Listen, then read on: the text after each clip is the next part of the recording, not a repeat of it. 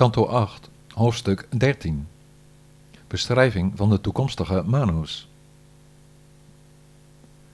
Sri Shuka zei: Verneem nu van mij over de kinderen van de zoon van Vivaswan, de huidige Manu, die in de wereld bekend staat als Shradadeva. Hij is de zevende Manu.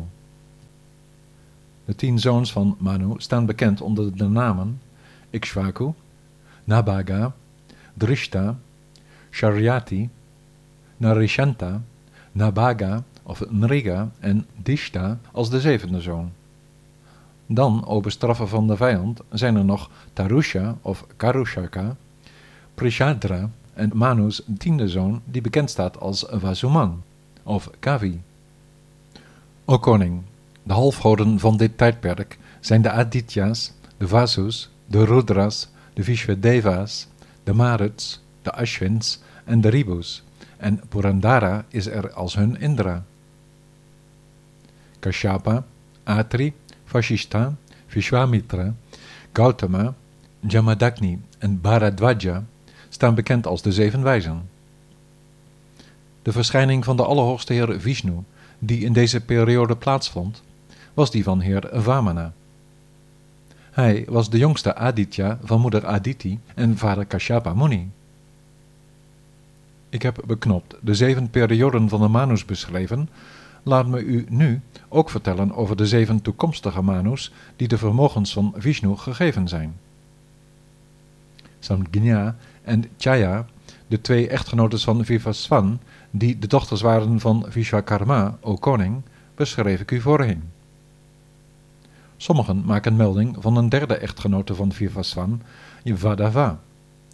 Van die drie kwamen er van Samgnya drie kinderen ter wereld, een dochter, Yami, en de zoons Yama en Shradadeva. Verneem nu over de kinderen van Chaya.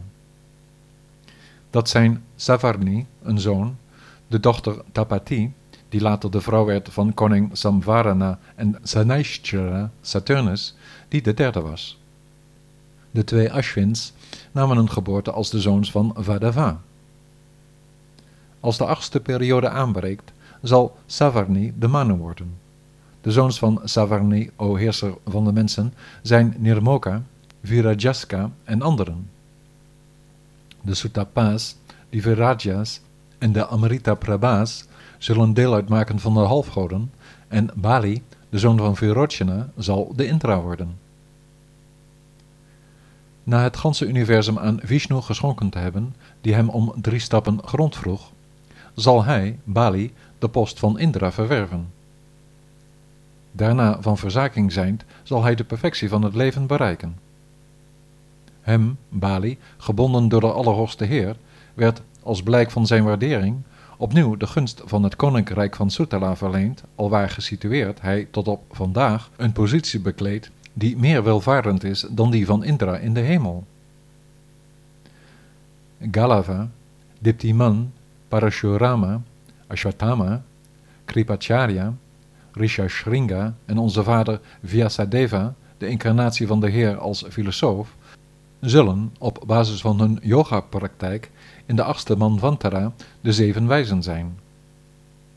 Momenteel zijn ze ieder in hun eigen hermitage bezig, o koning.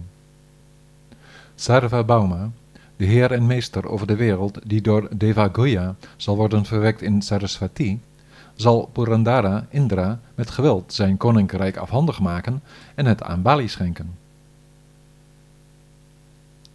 Daksha Savarni, de negende Manu, geboren als de zoon van Varuna, zal als zijn zonen Bhutaketu, Diptaketu en anderen hebben, o koning.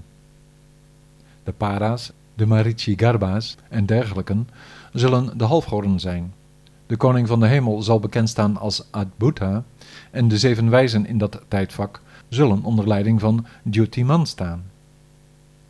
Rishabhadeva, een gedeeltelijke incarnatie van de Allerhoogste Heer, zal met Ayushman als zijn vader uit de schoot van Ambudhara zijn geboorte nemen.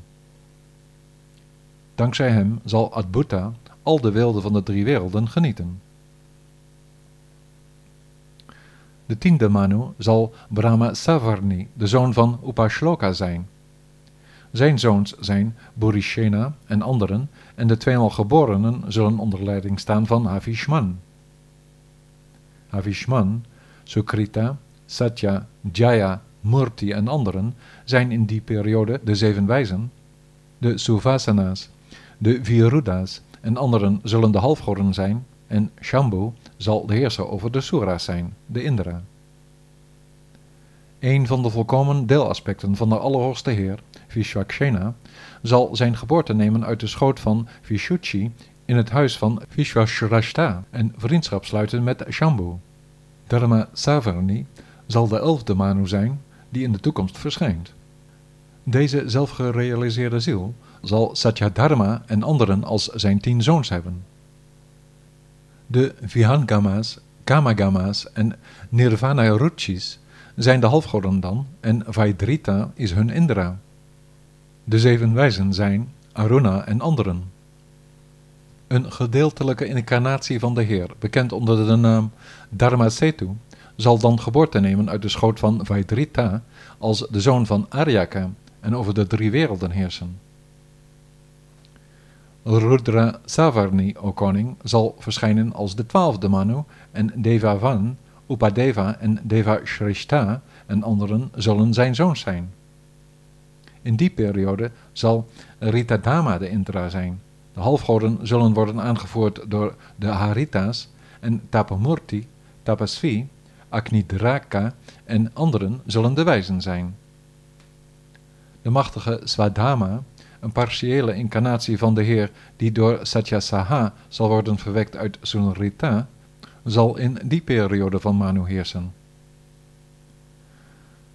De zelfverwerkelijkte Deva Savarni zal de dertiende Manu zijn en Chitrasena, Vichitra en anderen zullen zijn zonen zijn. De Sukarma's en de Sutrama's zullen de halfgoden zijn. Divaspati zal de Indra zijn en Nirmoka en Tattva Darsha en anderen zullen dan de wijzen zijn. Yogeshwara, een gedeeltelijke incarnatie van de Heer, zal als de zoon van Devahotra uit de schoot van Brihati verschijnen en zich inzetten ter wille van Divaspati, de Indra. Indra Savarni zal de veertiende Manu zijn en uit zijn zaad zullen Uru, Gambira, Buddha en anderen geboren worden. De Pavitra's en Chakshushas zullen de halfgoden zijn. Shuchi zal de koning van de hemel zijn en Agni, Bahu, Shuchi, Shuddha, Magadha en anderen zullen de asceten zijn. Voor dat tijdperk, o grote koning, zal de Heer in de schoot van Vitana verschijnen als Brihat Bhanu, de zoon van Satrayana, om allerlei geestelijke activiteiten te bevorderen. O koning, de geschatte tijd van het verleden, het heden en de toekomst van deze veertien manus die ik voor u beschreef, beslaat een duizendtal Mahayuga's, ofwel een kalpa, een dag van Brahma.